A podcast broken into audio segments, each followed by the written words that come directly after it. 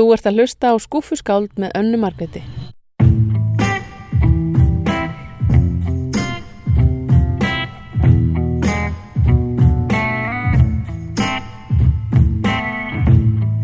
Komiði sæl og blessuð og takk fyrir að hlusta á skúfuskáld. Yrsa Þöll Gilvadóttir Ritthöndur hefur skrifað tvær bækur, Trægðulögumálið og Móðurlífið blöndu tekni. Hún er að skrifa bók núna sem kemur út á þessu ári og leifur hlustendum að heyra brotur bókinni. Við spjöldum um skrifin, að lesa, að samtvinna fjölskyldilíf og rítvöndastörf og margt fleira. Irsa kom til mín hingaði í stúdjó Lippapís í Keflavík. Við fengum okkur rjúkandi heitt kaffi og hún byrjaði á því að segja eins frá sjálfur sér.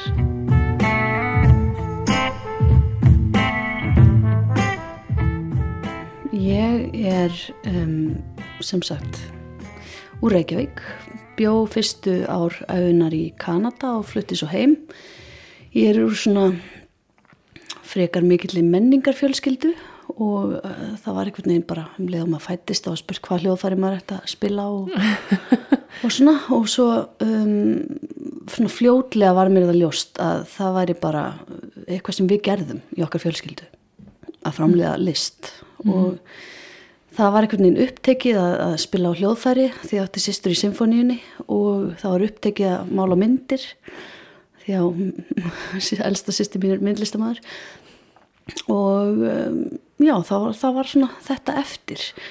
Og það var svo sem ekki eitthvað afgangsstarð heldur. Það var eitthvað sem að ég skinnjaði mjög mikið minni æsku að það væri borin alveg gífurleg virðing fyrir bókmyndum og um, allir hafa alltaf lesið mjög mikið og um, mamma hafði alltaf sagt að hún vildi skrifa en þyrði því ekki mm. og hún ætlaði að byrja að skrifa þú veist, hún ámið þegar hún er færtug en hún sagði mér að hún hefði ákveðið það þegar hún var unga og hún myndi skri, byrja að skrifa 37 ára.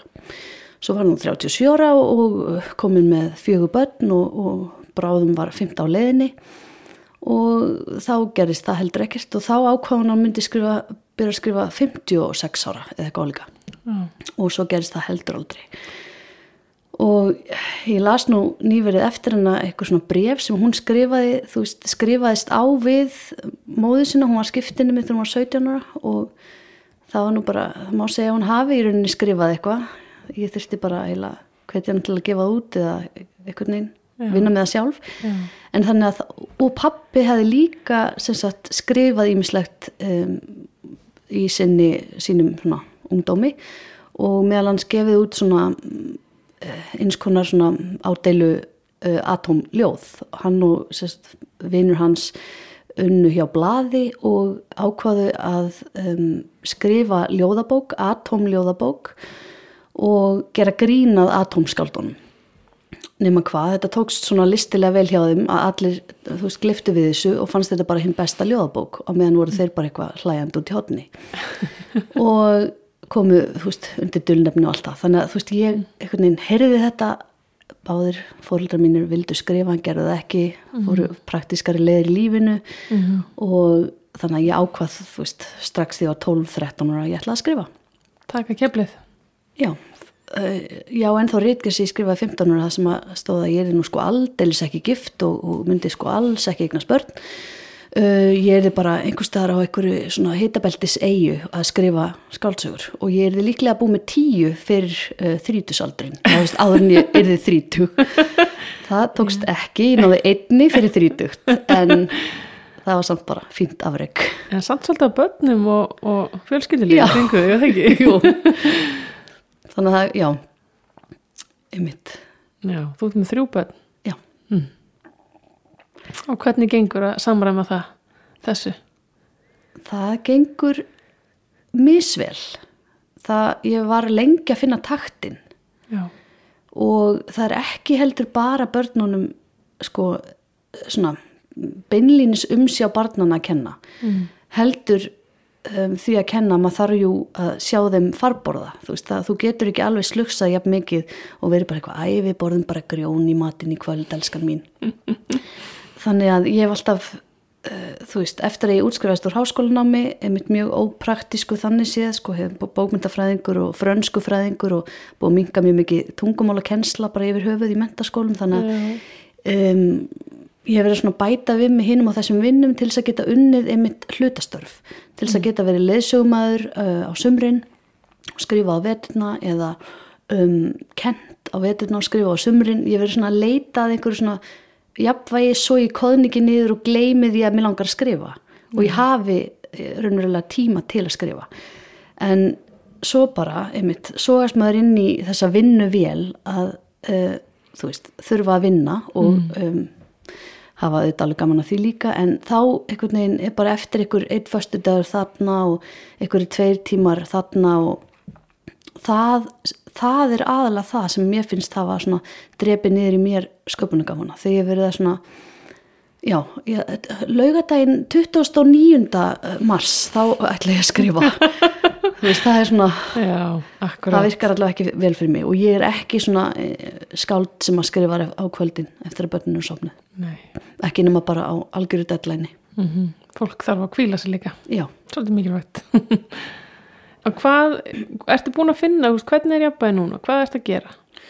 Já, mér fannst ég finna bara mjög gott jafnbæði eftir að þriðja barni mitt fættist þá hjálpaði það að ég var búin að gefa út um, aðra bókina mína, móðulífið, blöndutækni og ég sá að þetta var eitthvað sem að ég um, gatt og langaði til að gera.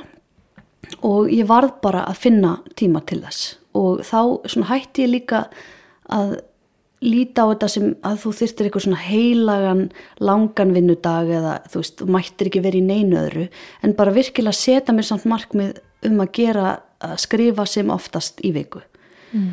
og þá bara fórum við líka að því við erum bæði í þessu hjónin og maðurinn minn er bara svona eila nákvæmlega í því sama og ég hann er bæði að kenna og að skrifa Hver er maðurinn? Maðurinn minn er Gunnar Theodor Eggertsson hann er sérst ekki að kenna núna en hann er uh, við sérst fræði rittstörf og skálsagna rittstörf mm. og svo tekur hann líka veist að sér uh, kvikmyndapistla og fleira sko en þannig að þá hefur við þurft að og ég kannski, ég veit ekki, sem kona eða eitthvað, þurft mm. líka að krefjast þess bara, ég vil að við skiptum með okkur dögunum ég á fyrirhátti á þriðdögum og fymtudögum mm. og þetta gerði við sérst í fæðingarólofinu okay. þannig að þú veist, þótt ég var líka að dúla mér og bara fara ykkur ykkur gungutúru með vagnin þá voru við samt líka bara mjög markvist að, að skipulegja ég á þessa dag, þessa mótna, þessa eftirmyndaga og svo bara reyndi ég að skrifa í hádegislúrnum þegar var orðin, þú veist, einsás þá var það orðið eitthvað bara og þá fluttu við til Svíþjóðar og það hjálpaði líka kannski að minga áreiti. Maður verið líka sko þegar maður er verið störf þá halda allir í fjölskyldunni bara að þeir geti ringt hvena sem er og uh, dabla mann í kaffi og uh, að, að þeir séu ekki beinlinis að trubla og þú veist, ég skilði alveg mm -hmm. þú er bara eitthvað heima á náttvitunum kannski og bara eitthvað getur ekki komið í þú veist, kaffi eða eitthvað fara saman í bónus eða eitthvað svona og maður verður að vera svolítið harður og bara segja nei mm -hmm. og ákveða vinnudaginn sinn Akkurat þar hjálpaði það að við vorum laus við áreiti, við þekktum svo fáa. Og þá var það bara ég skrifaði þennan morgunin og tók svo við barninu eftirhátti og svo skrifaði skrifaði við alltaf bæði í lúrnum hans í hátteginu sem var einn og hálf tími. Og sóttum svo hinbörnin í skólan klukkan hálf tvö. Þannig þá var bara vindarum frá sko hálf nýju til hálf tvö. Wow ef maður fekk lunguvaktina og svo voru eftirmyndasvaktir sem við gáttum skipt með okkur. Þetta er búsluspil Já, en þá fann ég að ég komst á algjört skrið núna eftir að ég fór að skrifa svona oft í viku. Já. og glemdi ekki bara já, býtu, hvernig opnaði ég skjali síðast eitthvað? Fyrir tveim mánuðum, bara hvert var ég eiginlega komin, mm -hmm. þú veist, það bara gengur ekki vel. Nei, nákvæmlega, þetta er alltaf vegna að setja það aftur inn í já. inn í verkið. Já, og bara ekki bara svona skiplaslega að sé eitthvað svona að vita hvert þú ert komin heldur að vera inn í því og vera svolítið spendur þú veist að vera svolítið eins og sért að lesa bókina eins og sért að horfa á myndina mm. þú ert svolítið inn í þessum heimi og þegar langar þegar það gengur vel þá langar mann bara hitta þau aftur morgunin eftir eða þú veist daginn eftir. Mm -hmm. Já, nákvæmlega. En hérna, fyrsta bókiðin, hún kom úr 2010, Já. tregðu lögumálið Já, og fekk bara mjög góða dóma. já, bara Og- ágætt stóma. Og hvað, hérna, hvernig var með hana? Rann hún svona bara út eða var langur aðdraðandi? Var þetta stórt skref? Hún var svolítið svona skrifuð í, í rispum svolítið einmitt meðfram námi. Ég held að það tekið mér svona mm, þrjú, fjör, já þrjú ár að skrifa hana. Byrjaði á henni svona 2007 og hún er einmitt svolítið svona bók sem er, uh, já, litið af þessum tíma sko bæði, bæði uppsveiflunni 2007-08 og, og svo hruninu sem kemur á eftir og, og svona endur mati og, og á þessum tíma er ég líka í háskóla og umgegst mikið af, af um, háskólafólki og, krít, svona, fólki krítist þingjandi og, og mér langaði svolítið að koma því inn í bók og Já. ég var líka nýbúin að vera í bókmyndafræði í Fraklandi og sérst, er með Emma í frönsku og er reyndar frá HÍ og tók skiptinám í Kanada þannig að ég er svona aðeins búin að flakka á millið þessara landa. Og um, mikið af þeim bókum sem að ég hafði svona hrifist af á þessum tíma voru einmitt svona soldið ráar, voru mikið samtöl, voru mikið svona pælingar og um, ég var líka nýbúin að lesa aftur hérna Catcher in the Rye og þannig að ég svona lagði mjög mikið upp með það að þessi bók yrði ekki eitthvað svona hefðbundin skáldsaga með einhverjum æsispennandi sögutræði en bara væri svona ymsar vangaveldur Mm væri svona raunsæs sneið af, af lífi mannesku sem er svona að vega að meta allt aftur sko. Já, þetta er um hérna konu sem að, eða stúlku, konu sem er í háskóla. Já.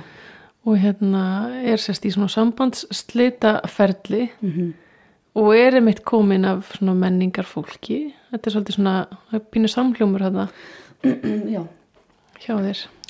já, algjörlega. En ég á þessum tíma var ekki í neittni krísu með þetta. Nei, með, jú kannski bara jú, ég myndi alls ekki segja krísu sko, hún er þarna að reyna að vera svolítil aktivisti og kærastin hennar er, er bara svona byggður á alls konar típum sem að svona, maður vissi af í kringum sig og alls ekki tengist mér ekki persónulega neitt. Um, og já, en þannig að ég svona kannski nýtti mér það svona samviskubit sem að ég hafði kannski einhver leiti við að fylgjast með fólki verða rótækt og duglegt og mér fannst ég kannski ekkit vera þannig einhvern veginn að standa mig þannig að ég læt hann að vera meira á grensunni og vera meira svona þjáða yfir því já, einmitt. á meðan ég var það raunulega ekki sko Nei, nákvæmlega. En hún er mikið að gaggrina og svona, þú veist, og spá einmitt í, í alls konar andstæðum og svoleiðis og, og, Já. og hérna þessi kærasti, hann er mjög skondin típa, ofbóðslega dark og Já. svona þungur og gaggrinir allt og Já, hann getur ekki gert það með hennar því að þjakan svo hugsanur um hvernig einhverjum eh, gæja á sambílinu það sem hann vinnur þarna. Já, líður akkurat þessa stundina. Einmitt. Og svo eru fóreldrar hans hérna svona þótulið svolítið, Já, já, já, einmitt. Alltaf nýjum bílum og... Já, ég heyrði nefnilega alveg svona sögur af, af svona típum á þessum tíma sko. En, já, einmitt. En það var bara það er svo margir sem að ég heyrði af á þessum tíma sem voru heimsbyggingar sem unna sambíli það var eitthvað svona samhljómur sko. Já, það var bara eitthvað þing. Ok. Þannig að það hefur ekki verið flókið að finna Nei, fyrirmynd. Nákvæmlega. En hérna eh, Já, svo kemur út bókin Móðurlífið, blöndutækni. Já. Hún kemur 2017 mm um, Og hvernig var með hana? Hvernig, þú veist, var ferlið? Já. Rann hún út eða Ferli var svolítið svona langt og stránt með hana, ég mynd sjö ár og þú veist, 2010 um, var ég nýbúin að kynnast manninn mínum í dag og en við áttum engin börn, svo fæðist fyrsta barnin 2011, næsta barn 2015 og uh, þriðja barnin 2017, uh, þrem fjórum mánuðum áður en að bókin kemur út og fæðist sem sagt tveim dögum eftir að ég skilaði að mér handreitinu þá bara líka minn slakaði á og bara fættist barnið. Já, hérna. Um, þannig að og líka á þessu tímabili þá um, kláraði ég eða byrjaði í einu námi, kláraði það ekki byrjaði í doktorsnámi út í París um, lagði ekki alveg í það lengur fekk ekki styrki alls konar svona, hún vildi eignast barni heima og hafa fjölskyldu þorpið mitt skilur og byrjaði þá í leðsugunámi byrjaði að vinna sem leðsugumæður um, byrjaði í kennslufræðinámi í HÍ og byrjaði að vinna sem kennari. Þannig að það var svo ótrúlega margt sem gerist á þessum tíma. Já. og um, já, þannig að ég var aldrei alveg að finna taktin það var svona handrið sem matlaði tók alveg óskapljum breytingum byrjaði sem bók um föður sem að uh, dóttir ætla að hafa upp á eitthvað svona eins og þessi þættir líka við sem að þú veist eru búin að vera í sjónvarpinu finna eitthvað svona týnda föðurinn eitthvað. Byrjaði sem bara alls konar og fór svo bara í þessa átt eftir að ég þarna, fekk ykkur hugmyndum svona brefa skáldsögu og langaði, ég veit ekki alveg hvernig hugmyndin kom um að hafa hana listakonu en mér fannst það vera svona svolítið áhugaverð pæling um konu sem hefði farið frá börnunum sínum og, mm. og, sískinin og aðla dótturinn ætlaði að reyna svona aðeins að kynnast henni í gegnum þá brefin sem hún uh, fyndi og af hverju myndi móður fara frá barni og þá var það svona þú veist, hvað annað væri hún að uh, þú veist mm -hmm. uh, elda uppi í stað fjölskyldu lífsins og, og svo leiðis þannig að það var svona kannski um þetta í undir meðvitundinni eitthvað, þú veist, ég er rítöfundur og er að skrifa og reyna samin að þessi tvö öll í lífu mínu sem að, þú veist, kannski ég undir meðvitundinni, ég, ég hugsaði það alls ekki þannig, svo fekk ég þessu spurningu stundi því ég var hana kynna bókina.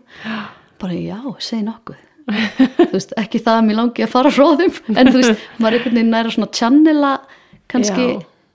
einhvern óta eða einhverja spennu eitthvað svona og, og veita því ákveðna átt sko, það er Ótrúlega. það dásanlega við listina skrifa það út já, svolítið já, af því að mitt eins og þú talar að, finna tíma já, það er náttúrulega og bara, samræma þetta fjölskyldilífi er náttúrulega og hann að hamstra hjólinu já, ég er alltaf bara gátt því ég lesum svona uh, rítöfunda, þú veist, konur á bara upphafið 20. aldar eða eitthvað svona sem að skrifuðu bara eftir að börnin sjö voru farin að sofa mm -hmm. við höfum fullt af svona rítöfundum sko. Já, nákvæmlega hvernig er þetta hægt? já, og hvað annað er í bóði en að missa síðan vitið?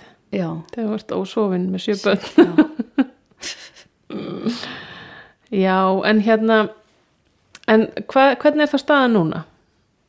já staða núna þá ég er svo heppin að hafa fengið listamannlaun núna um, þriði árið í röð. Herðu glæsilegt til hamingi Fyrstu, fyrstu tvö uh, árin að ég hef fengið sex mánuði þrísar og um, það tekur nú oft meir en sex mánuði að skrifa bók þannig að fyrir útlutin og tímabilin tvö voru fyrir bókinu sem að ég er búin að klára núna og Já. kemur út í haust, hún er bara í yfirlestri núna og það er svona að fara í smá svona ping-pong á milli mín og útgefandans í nokkra mánuði áður en hún er bara tilbúin sko. Og, og núna fekk ég útluta fyrir nýju verkefni sem ég er að byrja á bara núna í bara februar og mars glæsilegt mm en samlega því hef ég verið að taka mér svona auka störfið uh, þýðingar og að kenna íslensku fyrir útlendinga íslensku sem erlend mál það er líka mjög gaman Ertu þá þýða úr fransku? Já, ég verið að gera alls konar. Það sko úr frönsku yfir á íslensku, íslensku yfir á frönsku, ensku yfir á frönsku og er að þýða kvikmynda handrit jafnvel og texta kvikmyndir og vita þetta. Glæsilegt. Það er bara mjög fjölbreytt verkefnin. Já, það finnst mér mjög skemmtilegt að gera. Mm og hendar mjög vel svona samhliða. Já, Reyndar tala sömur um sko að, að þú veist, þeir sem vilja fá aukavinnu svona samhliða skrifum, þeir vilja ymmit eitthvað sem að læti mann ekki þurfa að vera eitthvað að þú veist, brjóta sér heilan eitthvað svona aðeins mekanískara. Já, en ég veit það ekki. Nei, ég næ alveg að gera bæði. Nákvæmlega, haldið sér gangandi. já, En um hvað er bókin sem að kemur út í haust? Viltu segja okkur já. frá henni?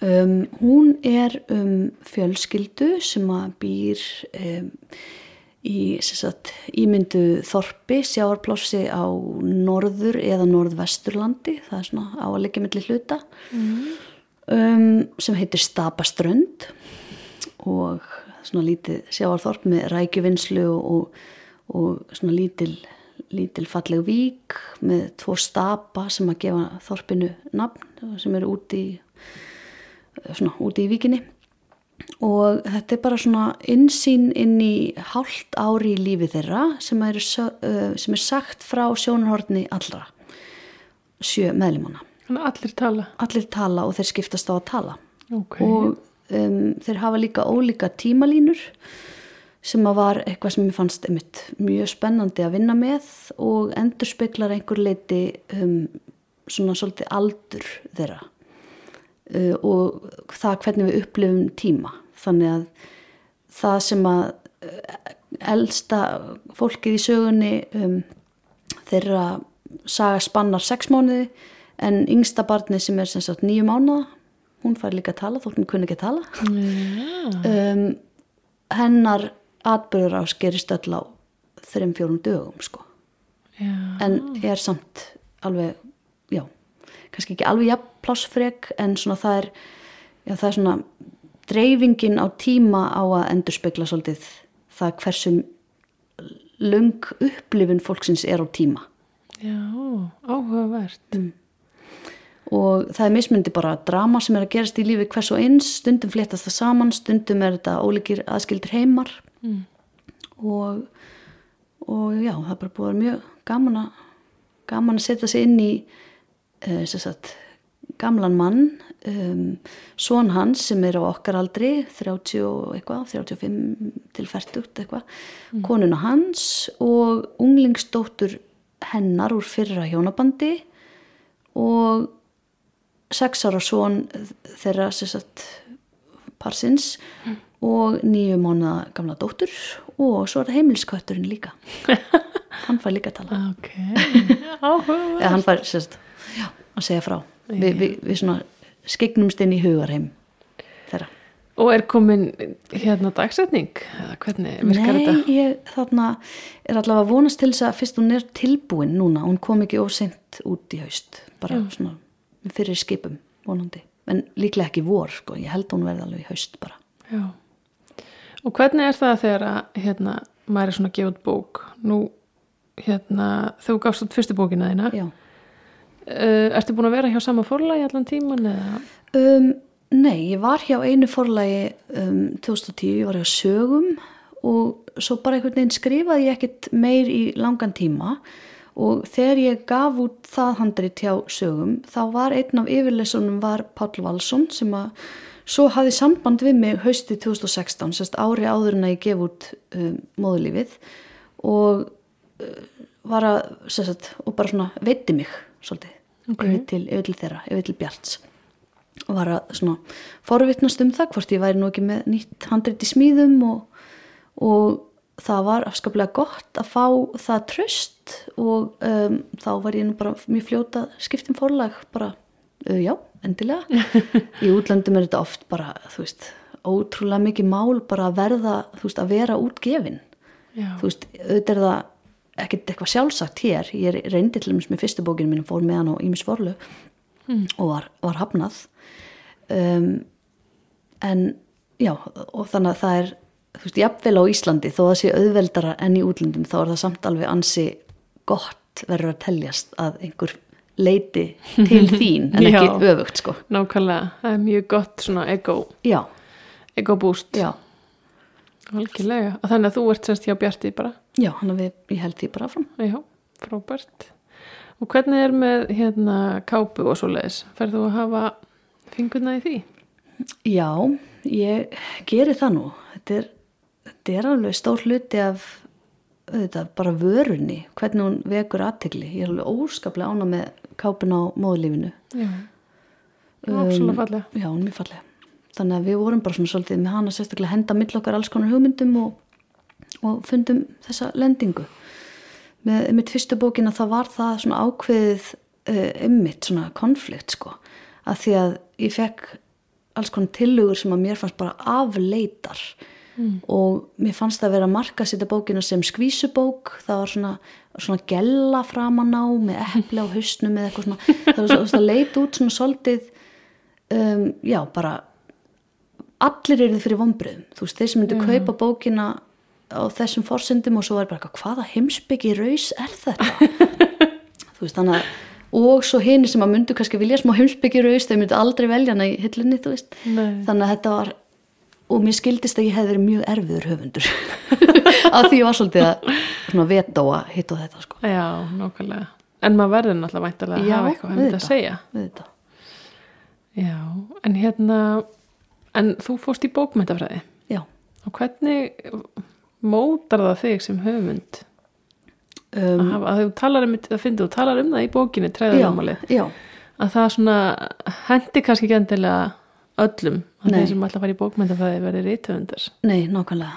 En það er nú þannig sko, ég er ekki að grúska eins mikið í svona bókmyndafræðum virkilega lengur. Þú veist, auðvitað bara er sumt sem er ennþá minnistætt og, og svona en, en ótrúlega margt af því sem að ég hef lesið í þessum fræðum og bara, þú veist, í skóla almennt. Það svona mótar mann en fylgir mann ekkit algjörlega þú veist, þannig að núna fyrst að ég kom með smá fjarlægð þá finnst mér ég, ekki alveg jafn mikið vera svona lítið af því sko. Nei. á þessum tíma var ég einmitt svo fersk svona, veist, árið 2006 útskrifast ég nei, jú nei, tjók, 2009 útskrifaðist ég úr frönsku með mi- mikilli áherslu á bókmyndir. 2006 útskrifaðist ég úr sérst, bókmyndafræði og held þarna áfram til 2011 var ég byrjuð í doktorsnáminu sko. Og þannig að á þessum tíma, jú, er ég bara mjög mikið að lesa af alls konar uh, stílfræði og hinum á þessum hlutum. Þannig að þá fannst mér í jú stundum vera bara aðeins svo mikið að líta á bara einhvern veginn allar bara skrúurnar og boltana sem að bara einhvern veginn búa til búa til tungumálið og uh, þú veist sögur og allt það sko. Þannig að það var kannski alveg að vissu leiti svolítið óþægilegt og verandi líka búin að svona í bókmyndafræði svona upphefja og horfa einhvern veginn svona ótrúlum aðdánar augum á marga höfunda og, og einhvern veginn já, þú veist, það er bara bæði gott og slæmt sko, en þú veist, auðvitað er gott að vita og þekkja uppbyggingu og geta nota sér hana og, og þú veist. Mhm. allt bara listfræði námi yfir höfuð. Þú þarft ekki að vera mentaður þú veist, myndlistamæður til þess að geta mála. Þú þarft ekki að vera mentaður leikari til að leika. En auðvitað bara hjálpar þetta allt við að þú veist, að þekkja söguna, þekkja bakurinn og, og svona. Já, En þeir var ekkit kýtlaði að fara og taka hérna skapandi skrif í háskólanum. jú, jú, jú. Og með þess að sko Bryndís Björgvinsdóttir vinkon mín, hún fór í þetta og var að reyna hvetja mig til þess að fara með henni Mm. og þá var þetta nýbyrjað og ég einhvern veginn bara svona þá var ég búin að gefa út eina bók og held þá bara einhvern veginn að ég þyrfti þetta ekki Mm -hmm. ekki það að ég vissi viss, þú veist, ekki það að ég held að þetta væri ekki ótrúlega nýtsamlegt líka en ég var samt einhvern veginn bara ég er alveg komin eitthvað af stað Mhm. en ég hefði örgulega betur farið í þetta til þess að læra einmitt betri tækni við að bara líka halda áfram og halda mig við efnið að því ég fann það og það er í rauninni hjálpaði mér. Ég var í kennslufræði í háskólanum til þess að kenna frönsku á mentaskólstígi og tók uh, valáfanga sem að gagnaðist mér engan veginn sem frönsku kennari sem að var bara skapandi skrif. Þannig ég tók eitt svona áfanga hjá Kristjáni Jóhanni í þarna á myndavísindasviði og það var æðislegt og ég hlakkaði til í hverju viku og þannig þá þú veist ég er bara svona ég þarf svo mikla svona svipu þú veist það, það, það þarf svo mikið að halda mig við efnið sko. Annars byrjar maður bara að gleyma sér í ykkur þú veist fjölskyldu og, og hinn, hinn og þessu sko. Þannig að þá var ég bara eitthvað já ég á að skila þessu þessa vikuna ég á að skila hérna tveimur köplum ég á að skila smásögu ég á að skila leikriti og eitthvað. Þannig að það á því tímabili jú þá fann ég að allt í hennu jú, ég, ég þyrfti að klára hluti Já. komaðum frá mér sko. Nákvæmlega. Þannig að- Aðhald. já, en svo er það bara líka þú veist, ég er búin að vera í námi þú veist, ég var í námi bara frá sex ára til bara þrítugs eiginlega með bara svona einu ári í pásu hér, einu ári pási þar þú veist, þannig ég var líka bara komið nóg af námi Ég meit. í bíli, Nákvæmlega. Var að kenna öðrum. já eiginlega En hvaða svona annað form en skaldsagan heillar þig? um, leikrit og smásögur Leikrit og smásögur. ég hef ekki skrifað mikið eða þú veist, ég hef ekki klárað eitt einasta leikrit, ég hef bara skrifað eitthvað svona, einmitt, í skapandi skrifa áfangunum, eitthvað svona einn leik þátt og var svo uh, sjálf las einhver leikrit bara í bókmyndafræði og var alltaf í leikfélaginu í MH og hef óskaplega gaman að því að leika og er til og með spyrðið í improv tímum núna hjá Improv Ísland Já. og finnst bara æðislegt Eh, bara leikhúsið bara yfir höfuð og ekki bara sem svona einhvern veginn að sjá performansin heldur ég hef bara ótrúlega gaman að lesa líka leikrit og, og svona velta fyrir mér hvernig maður skrifa leikrit. Þú veist það er bara það er bara öðruvísi tækni. Og já þannig að það er eitthvað svona heimur sem ég langar að kynnast betur. Já. En smása. Já, smásaga líka. Það, ég er bara pín hrætt við hana. Mér finnst eins og það séu svona eh, einmitt, kannski þetta bókmyndafræði ég las eitthvað svona hluti sem að setja svolítið svona eh, í mínum huga svona svolítið háar kröfur á smásöguna. Hún verði að vera einhvern veginn í senn svo svona lítil og ekki einhvern veginn þróa of mikið plott en samt að vera svo svona fullnæjandi og með eitthvað svona solglu twisti í endan sko. -hmm. þú veist ég las endalst á Róald Dahl smásögunum þegar ég var unglingur og, og um, hefur lesið nokkrar smásögur til Shirley Jackson og, og svona einhverjum svona smásagna meistarar þeir gera þetta eitthvað svo vel að ég bara svona finn hrættum að mér myndi mistakast það en ég hef samt áhuga á því þannig að fyrir mér er sko skáldsagan einhvern veginn þetta svona ég finn, finn eitthvað svona finn eitthvað svona öryggi, öryggi í því hvað hún er alls konar og hvað ég má bara svona svolítið gera eins og ég vil og um, já, og svona fela hitt og þetta. Ég er líka pínur hrætt við ljóðið sko. Uh, og svona fela eitthvað svona gersemar inn í þessari heild. Það er svona svolítið, svolítið hóverð í því sko. Já. það er ekki svona að, að, að, hrópa af húsþökunum bara eitthvað svona hér er ég, sjáðu mig í mínum veist, í hvað ég er lítil en tek mikið pláss veist, þannig er ljóðið eða smásagan skilur Já, bara eitthvað, ég er fullkomin eins og ég er. Sjáðu, þú veist, hvert orð hver hugsun Alltaf meitlað já, og ofurformað og já, þannig ég, ég hef alveg verið svolítið hrætt við það sko, ég skrifa ljóð þú veist, í, mentaskóla og eitthvað. En ekki mikið, þannig ég næ að lauma þeim inn í nýju bókina mína af því að ég læt uh, eitt karakterin vera svona skúfu skáld Ahaha, spennandi. Það verður æðislegt að þessi bók kemur út. Þú er búin að kveikja í okkur hérna.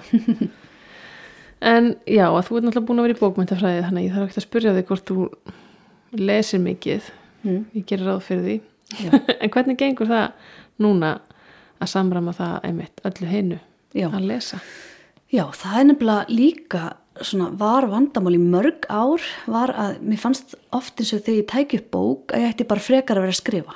Mm. og það var Ok. ekkert það að ég vildi ekki litast af öðrum höfundum eða eitthvað þannig, það var bara eitthvað hér er ég með lausa stund, ég er ekki að læra heima núna eða ég er ekki að vinna, ég er ekki annars bann þá ætti ég bara að vera við tölvuna að skrifa, þú veist þannig ég fekk úslega mikið samviskupið oft því ég var að lesa skrítið sko og svo bara eins og allir, þú veist, bara á tímum samfélagsmiðla og um, það byrjaði náttúrulega líka bara, þú veist, þegar maður byrjaði að horfa svona mikið á þætti á netinu og þegar maður byrjar í nýju ástasambandi og er einhver svona kósi stundum, þá fannst mér ég oft vera bara að móðga maka minn eða kærasta minn þá, ef að ég ætlaði bara svona snúa mér út í horn og lesa skilur, í staðan fyrir að við varum að gera hverfa. saman já, ég er bara farin hérna inn í minn heim bara þú mátt bara eiga þig þú veist þannig að í mörg ár þá fannst mér líka eins og svona lausa stundir þá ættu við að njóta þeirra saman þannig að mér fannst ég alveg í nokkur ár ekki lesa nóg og aldrei finna eitthvað svona fullkomna stund til þess að lesa. Ég var alltaf að sjá fyrir mér hillingum að það væri eitthvað svona ákveðin tími og, og frá því ég var bara ung og single og svona þá las ég líka eiginlega alltaf á eftirmiddaginn. Það var svona mína stundir. Var bara svona áður en að ég eldaði mér kvöldmatt, bara svona á milli þrjú og sex. Og svo þegar maður eignast börn, það veit hver manneskja, það er ekki að fara að gerast þá. Nei, Þú veist. úlfa tímin er Já, meira krefjandi en svo. Já, þannig að um, já, en svo bara á síðustu kannski tveimur árum þá er ég farin að vera miklu meiri lestarhestur ég um, já, lasur glekkinum að þú veist kannski svona fimm bækur á ári fyrir, fyrir nokkurum árum. Og svo núna síðast las ég 21 og er búin að setja mig markmið að lesa 25 í ár. Og þannig að ég er líka bara reyni að setjast niður, jafnvel þótt að börnin séu að þú veist, horfa sjónvarpi og setja í, sjó, í sófanum við hliðin á þeim og les, þó ég, þó ég lesi bara tíu blaðsýður, þú veist sumi segja bara eitthvað, nei, ég verði að komast inn í þetta ég verði að hafa algjöra þögn og algjöra ró og þú veist, ég verði að lesa leng, lengri skorpur í einu, þú veist, ég minna auðvitað er það frábært mm -hmm. og ég þarf stundum að fletta aðeins aftur tilbaka, en ég bara reyni að lesa oftar og um, já, og ég líka kom með svona bullet uh, diary eða svona journal þar sem ég set mér markmið fyrir hvern mánuð. Ú. þannig að þá var ég með markmið að lesa núna þrjár til fjóra bækur mánuði. Ok, og þannig að þá er ég einhvern veginn með þetta svona eitthvað, ok, ég verð að klára þetta ég ætla að gera þetta. Og svo er bara lestur bóka líka líku við orðið eitthvað svona bara politíst andof þú veist núna Já. að bara sjást úti með bók. Þú veist ég fylgist með uh, fer með stelpunum mín á æfingu í frjálsum og ég tek upp bók og þú veist það er allir með síman sinn og, og ég svona líku við geri úr því einhvern veginn svona eitthvað ég er með bók, ég ætla að lesa hana fyrir framann ykkur. Þannig að ég er svona að reyna líka bara að hafa bók í töskunni já, þú veist, og lesa bara það sem ég get í staðan fyrir að taka upp síman já, nákvæmlega. Vennja sig á góða siði já, það er svolítið svoleiðis en hérna, en hvað hvað hefur þá góð bók að geima að þínum mati? um, já það er mitt, sko. Það sem að, þetta er náttúrulega svo ótrúlega persónubundi sko. Og líka bara fer eftir bókum. Þú veist, stundum heillast ég af einhverju einu og svo, þú veist ég heillast yfirleitt það sem ég segja, svona myndi segja einkenni alla bækur sem ég hrýfst af er um, ákveðið svona eins og maður myndi segja á ennsku attention to detail. Þú veist, eða þú um, getur mála fyrir mér mynd af einhverju hverstasenu eða einhverju svona smáatriði í tilfinningu eða hugsun um, eitthvað sem að maður tengir við, þú veist, ef einhver svona segir manni annarkvort einhverju persónlýsingu eða einhverju hugsun eða eitthvað hvernig einhver hreyfir einhver bolla eða gerir einhverja líkamshreyfingu eða eitthvað, þú veist, eitthvað sem að mér finnst vera svo ótrúlega mála svo sterka mynd í huganum. Það heillar mig mjög mikið. Ég um, já, hrifst náttúrulega líka bara af, af svona ákveðnum stílum og það getur verið bæði eitthvað sem er alveg ótrúlega svona um, rátt og einfalt og svona bare boned og svo líka einhverju brjálaðislega bara rókókó flúruðu sko veist, ég var mm. endalst alltaf að sérhafa mig því í frönskum bókmyndum sko allt sem að ég var að stúdra var svona lok 19. aldar dekadens og þá er menn bara að veist finna 20 leiðir til að lýsa einhverjum veist einhverjum einum lit á demanti eða einhverju blómi með þessum flóknustum svona orðum sko ok, en þú veist ég las nokkar bækur í, í, í fyrra og um, er að lesa eina núna sem ég finnst einmitt vera bara ná alveg ótrúlega fínu jafnvægi í stíl um, með því að nota samt ekki eitthvað svona rosalega háfleg orð. Og, og svo bara svona setningaskipan og annað. Þú veist ég las uh, bóka sænsku í fyrra sem að erum uh, hún var þýtt á íslensku uh, þarna uh, hvað heitir hún aftur?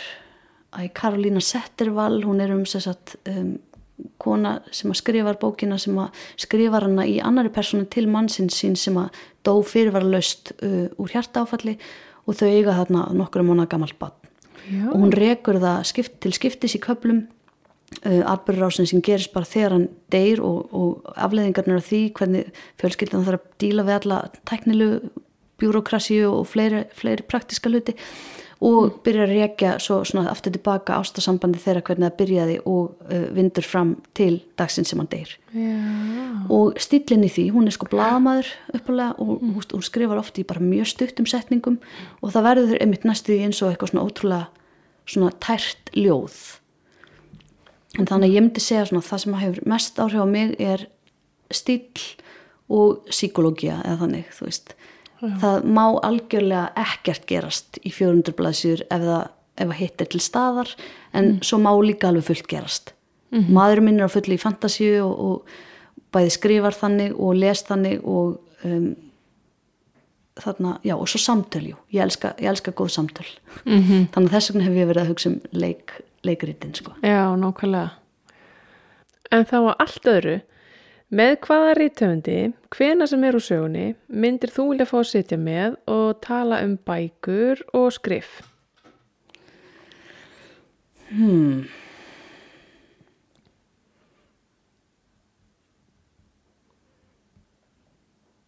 Æ, ég segi bara Jane Austen Jane Austen. já, Já.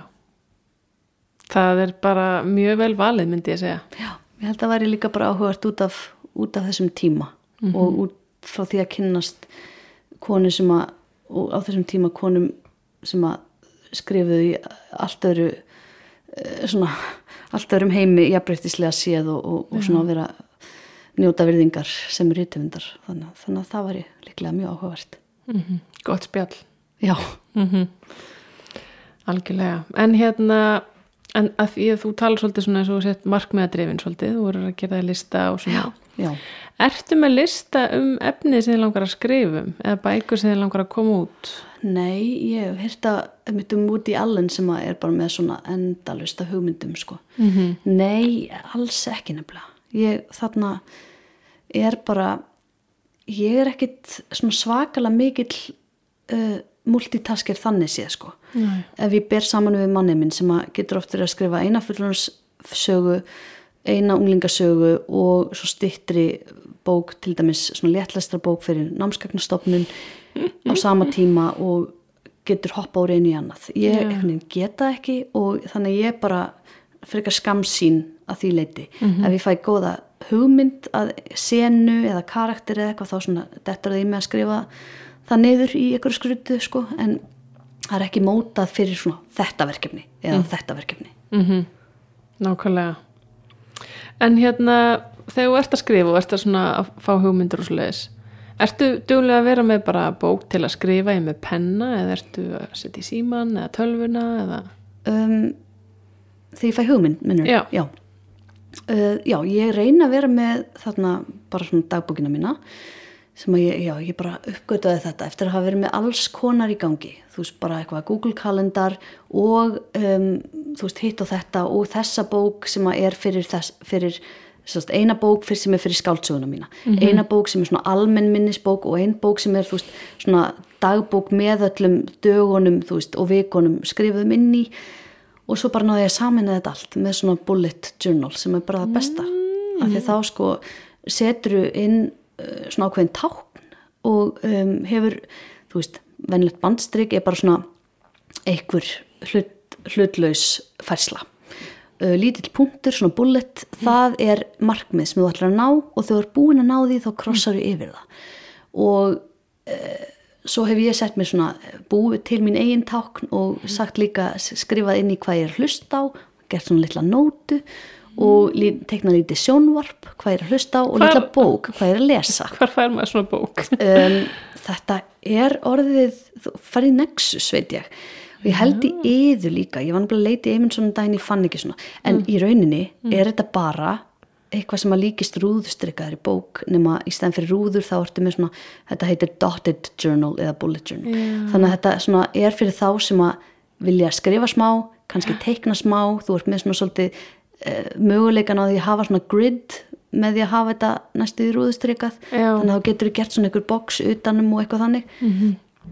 En þannig ég hefur mest að og í þessa bók bjóði til dæmis til mitt eigi ták sem er svona lítil ljósapera.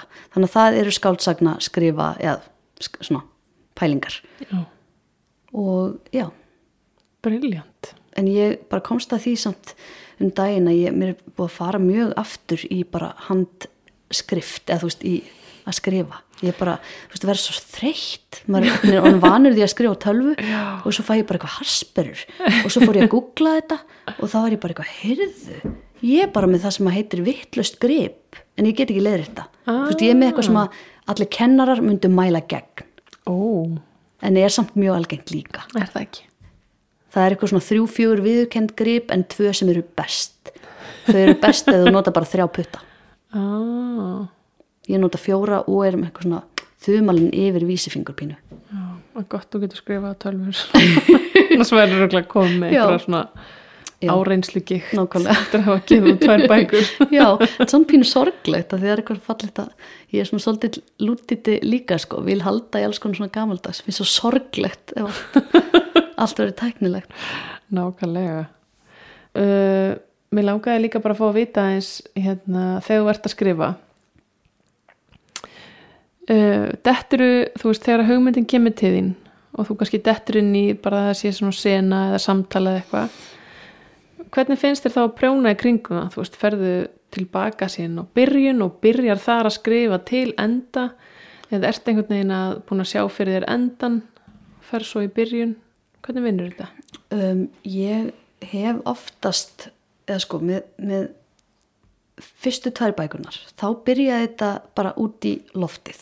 Þá byrjaði ég bara að skrifa og fingurnir og veginn hugsunin leiði mig eitthvert og úr því verður verður eitthvað til. Með um, þessa bók sem ég er að skrifa núna þá sótti ég um listamannlaun fyrir hana og um, þá var hún sko fullmótað verk að því leiti að ég vissi hvað er þetta að gerast hvaða personur um, og um, var komin með eitthvað sem hefur reyndar breyst en það átti að vera svona ákveðið uh, svona premise uh, einhverjar aðstæður sem þau voru í þau átti að vera nýflutt og þetta átti reyndar að vera í útlöndum og þau átti að vera að eigi erfileikum með aðlagast því að vera flutt til útlanda mm. og, um, og eitthvað svona. Þannig að þá vissi ég sirka um hvað þetta yrði en það var samt löst í báða enda sko, þannig sé, ekki nýtt fyrir. Og það sem ég er að skrifa núna er að einmitt að verða ennþá fastmótaðara sko í atbyrðurásinni þannig að ég er svona að vinna mig meira og meira í að móta þetta fastar. Mm -hmm. ég veit samt ekkit endilega hvort að það er betra en það er kannski að vissuleiti þægilega en ég uh, með þessa bók sem ég er að skrifa núna sem er sögð frá þessum sjö karakterum það er búið að vera eilíft púslispill af því að ég geta flakkað með tímalínurnar alveg fram og aftur. Þessi kapli getur verið hér, hann getur verið þarna hann getur verið hér, veist þetta getur gest á undan hinnu, þessi karakter má tala á undan þessum eða eftir þessum. Þú veist, læti ég þá alla tala í löngumáli þannig að hver og einn byrtist kannski bara einu sinni eða tvisar í sögunni og kemur svona einn langur kapli og eftir öðrum löngum kapla eða hafa allir rödd þú veist, oftar og þá stuttum í stuttum köplum þannig að það er búið að þú veist, ég veit ekki hvað ég á margar útgáfur af þessari bók í tölvunni sko. Já, en áhugavert að hérna því maðurðin er líka reytöfundur. Já. Leitið þið mikið til hvers annars eins og varðandi þetta þegar þú ert að púsla og hafa löngsamtölu eða stutt eða? Já, já, við tölum náttúrulega mjög mikið um alla þessa hluti og um, lesum yfir hjá hvort öðru. Og en við erum einmitt mjög ólík að mörguleiti hvað var það styrkleika þannig að stundum hef ég verið sagt, svona og tali mig vera mjög sterka í samtölum og hann hefur sagt það um mig og ekki það að ég hefði nokkur tíma tekið eftir því að hann væri ekki góður í, í samtölum en hann hefur svona sagt að þetta væri svona sterkara hjá mér og við höfum bæði sammælst um það að atbyrðarás og eitthvað svona algjörlega uh, svona um mitt ótrúlegt sem að getur gerst í sögunum hans, ég, ég bara hef ekki hugmyndaflög í það sko. Mm. og þannig að það hefur komið fyrir þegar ég lendi svona eh, einhvern veginn ákveðnu hotni að ég bara segi Gunnar, þú veist, getur ekki lesið þetta aðeins yfir, hvað getur ekki gefið mér eitthvað hugmynd, hvað, hvað gæti gerst, hvað gæti komið fyrir þennan hér Mm þú veist að því að þú veist, þau eru búin að tala fullt en, en það verður eitthvað að gerast hérna þannig að þú veist hann hefur svona, já, geta svona veitt mér eh, ráð, ráðleggingar sko Já. með hitt og þetta svona Ok, þannig að við, já, við erum svona ólíka styrkleika sko já, það er gott þegar það er mitt það þarf að hjálpa stað. Mhm. En ertu að leita þér að stuðningi einhverstað annar staðar frá? um, já, bara já, svona nokkra vinkonu sem að skrifa og, og svo bara þú veist, þegar kemur að því að lesa yfir þá er um, tengdamamma náttúrulega líka rithöfundur Þórun Valdimarsdóttir Já, og hún les alltaf yfir og mamma les líka yfir um, og stundum á sískinu mín líka. Og svona eins og bara já fórlæði sjálft reddar hinnum og þessum svona, en, en ég er ekkit svona sérstaklega mikið fyrir að tala um bókina mína við aðra en manni minn Nei. í rauninni sko. það er bara þangarlega það er tilbúið þá er það ansið svona viðkvæmt hjá mér Mhm. já, ég, þannig að ég held að allir í fjölskyldum mínu hafi svolítið lært að hætta að spyrja mig vita.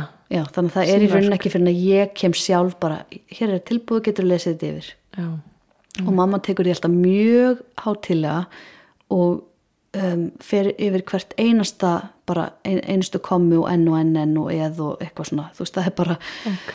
hún er mjög góður málfarsráðunautur sko Dásamlegt. Þetta er geggjað. En hérna, þú ætlaðir að, lesa aðeins fyrir okkur úr nýju bókinniðinni. já, Þannig ég ætla bara að fá að byggja þeim að byrja. já Ætlar að segja eitthvað nafnið á hann líka? ég er ekki alveg tilbúin til þess Nei. Ég er ekki alveg búin að ákveða. Við bara fylgjast með. um, ég ætla að lesa bara aðeins hérna um, þetta er kötturinn um, Sahure hann heitir þessu fyrðulega egifska nafni. Um, og svo kemur í ljós setna að allir í fjölskyldunni kalla hann Mjálmar. En um, það er vegna þess að þetta er um, köttur sem að er þetta er svona einhver, einhver svona legend sko, um ketti að þeir hafi svona tegunda minni þannig að það lifir í honum einhver svona sjálfsmynd sem er miklu eldri en hann sjálfur.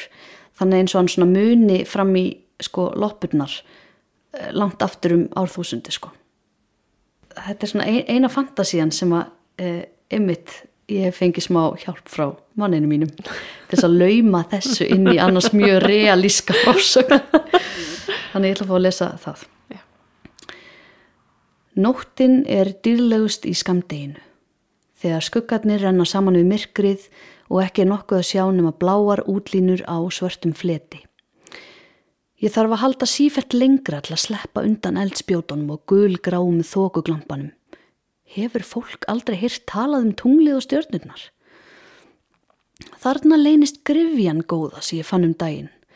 Ég held að ég veri öllum hnútum kunnugur í þessu þorpi. Þekki allar götur, allar stíga, öll mannvirki, hverja hríslu og hvert klett, fjallið, hamrana, mýrlendið, spena þústirnar við þjóðvegin, skórektina, kirkjugarðin, höfnina, ströndina og helliskútan. En grifjuna hafði aldrei séð fyrir um daginn. Líkt og henni hefði verið komið fyrir á næturlegi. Mér myndi að hér hefði staðið lítil kirkja. Ég þarf að kanna þetta svæði betur. Þá skrjávar í hrímuðum laufum og stráum undan fótum mér. Ég er ekki einn á ferð. Þarna sé ég glirnur gæjast undan nögtum runna. Andskotin hafi það. Þarna eru fleiri á bakvið trí og ofan í grifinni. Ah, Hlaut að koma að því að fleiri kynntist þessari furðulegu sementsauðun. Jæja, ég nenni ekki að púka upp á þetta lið hérna. Þetta eru viðvanningar, ungir og óreindir augljóslega. Eitt sinn nefndi ég að halda hópin með öðrum en ég er vaksin upp úr því. Ætli ég farið þá ekki nýra á strönd. Sjórin er speil sléttur og það styrnir og kvíarnar úti við sjóndeldarhingin. Líkt og þær séu þrýr silfræðir baugar. Stabarnir tveir eru tignarleiri í tungsljósinu. Veskvaðir eru langt frá landi. Ég stjaka við nokkrum bláskeljum en þær eru tómar. Það er nokkuð annað sem grýpur aðtekli mína á hinum enda strandarinnar, uppið við hellismunnan. Dauf skíman af stjörnunum leiðir ljós mennskar útlínur. Graf kyrrar, fjörlausar, fornar eins og ég. Flætt geti yfir þær á hverju stundu, hugsa ég og dregðar eina af annari dýbra inn í helliskútan. Þær eru nývafðar og þurrar, hörið er nánast flekklust. Ein múmían er lítil, barnliklega, geti næstum verið köttur. Ég leggst hjá þeim og fylgi þeim í gegnum lífið sem þær lifðu þar til sólinn tók að setjast í austri augna þeirra. Geggjað. Já, þannig að þetta er sem sagt kötturinn að spóka sig um í um, sagt skólendi nálat kirkju sem að uh, stóð þar eitt sinn og gegnir mikilvæg hlutverki í sögunni. Af því að móðurinn í sögunni er sagt byggingafulltrúi sem að uh, hafi svolítið hendur í því máli að um, láta sagt, eh, fella þessara kirkju og byggja nýja og svo er svolítið svona skandall í gangi af því að það bólar ekkit á nýbyggingunni það er bara búið að steipa þennan grunn sem hann kallar þannig grifju Mm.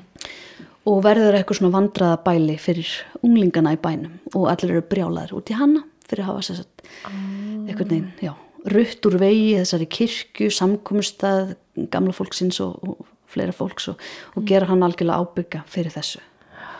Og þannig að það er svona, hefur verið gaman að flétta svolítið saman á svona söllhátt, svona hvernig eins að tengist annari. Já, nákvæmlega.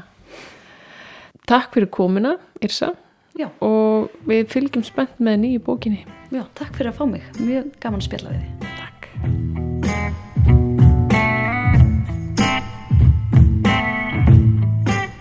Bækur Irsu eru til í öllum betri bókabúðum, eru fáanlegar á bókasöfnum og ég hveti ykkur eindreiði til að lesa þessa bækur.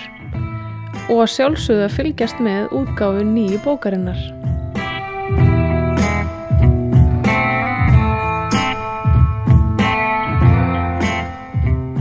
Takk fyrir að hlusta á skúfuskáld. Ég heiti Anna Margret. Næsti þáttur verður fjölskyldu þáttur. Hjónin Björk Jakobsdóttir og Gunnar Helgásson spjalla við mig á samt síni sínum Óla Gunnari en þau sinna öll reittstörfum. Þátturinn var tekin upp og framleitur í Luppa Pís Keflavík. Ingi Þór Ingibergsson sá um alla hljóðvinnslu og samdi stef þáttarins. Ekki gleyma að gerast áskrifundur að þáttunum og fylgi Luppa Pís á Facebook og Instagram.